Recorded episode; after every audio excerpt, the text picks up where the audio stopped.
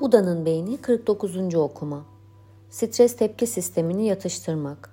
Limbik, HPAA ve sempatik sinir sistemleri döngüsel şekillerde birbirleriyle etkileşim içindedir. Örneğin korkutucu bir şey olursa bedeniniz uyarılma eğilimine girecektir. Örneğin artan kalp atış hızı, terleyen avuçlar. Bu tarz bedensel değişiklikler limbik sistem tarafından tehdit işareti olarak algılanır. Bu da kısır bir döngüyle daha çok korku reaksiyonunu tetikler parasempatik sinir sistemini aktive ederek stres tepki sisteminin kendi reaksiyonlarına reaksiyon vermesine engel olur. Derin sessizlik ve düşünme imkanı tanıyan ortamlarda ılımlılık alıştırmasının gevşeme ve huzur içermesinin bir sebebi de budur.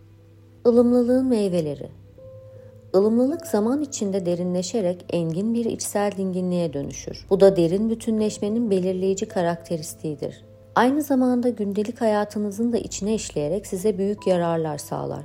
Duygu tonları ve ihtiras arasındaki linki kırabilir, peşinden koşmaksızın keyifli olanla, ona direnmeden keyifsiz olanla ve görmezden gelmeksizin nötr olanla kalabilirseniz o zaman en azından bir süreliğine de olsa acı zincirini kırarsınız. Bu inanılmaz bir lütuf ve özgürlüktür. Ilımlılık unsurlarını geliştirme. Tam ılımlılık hali hem zihin hem de beyin için olağan dışı bir hal olsa da ona dair temel bir algı gündelik yaşamda deneyimlenebilir ve pratikle geliştirilebilir.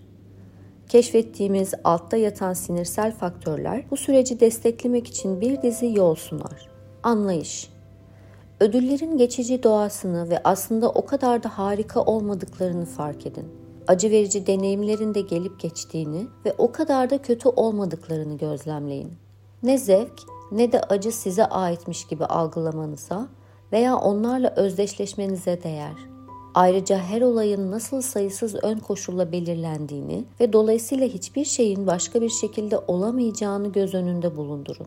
Bu kadercilik ya da umutsuzluk değildir. Geleceği farklı kılmak için eyleme geçebilirsiniz. Ancak o zaman bile geleceği şekillendiren çoğu faktörün elinizde olmadığını unutmayın.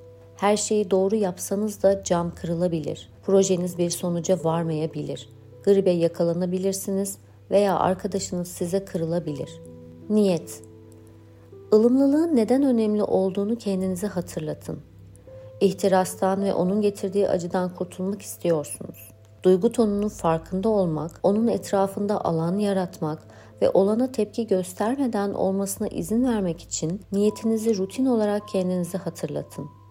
Bunu aklınızda tutmak için bilgisayarınızın ya da telefonunuzun yanına ılımlılık yazan küçük bir kağıt yapıştırın ya da güzel, huzurlu bir manzara resmi kullanın.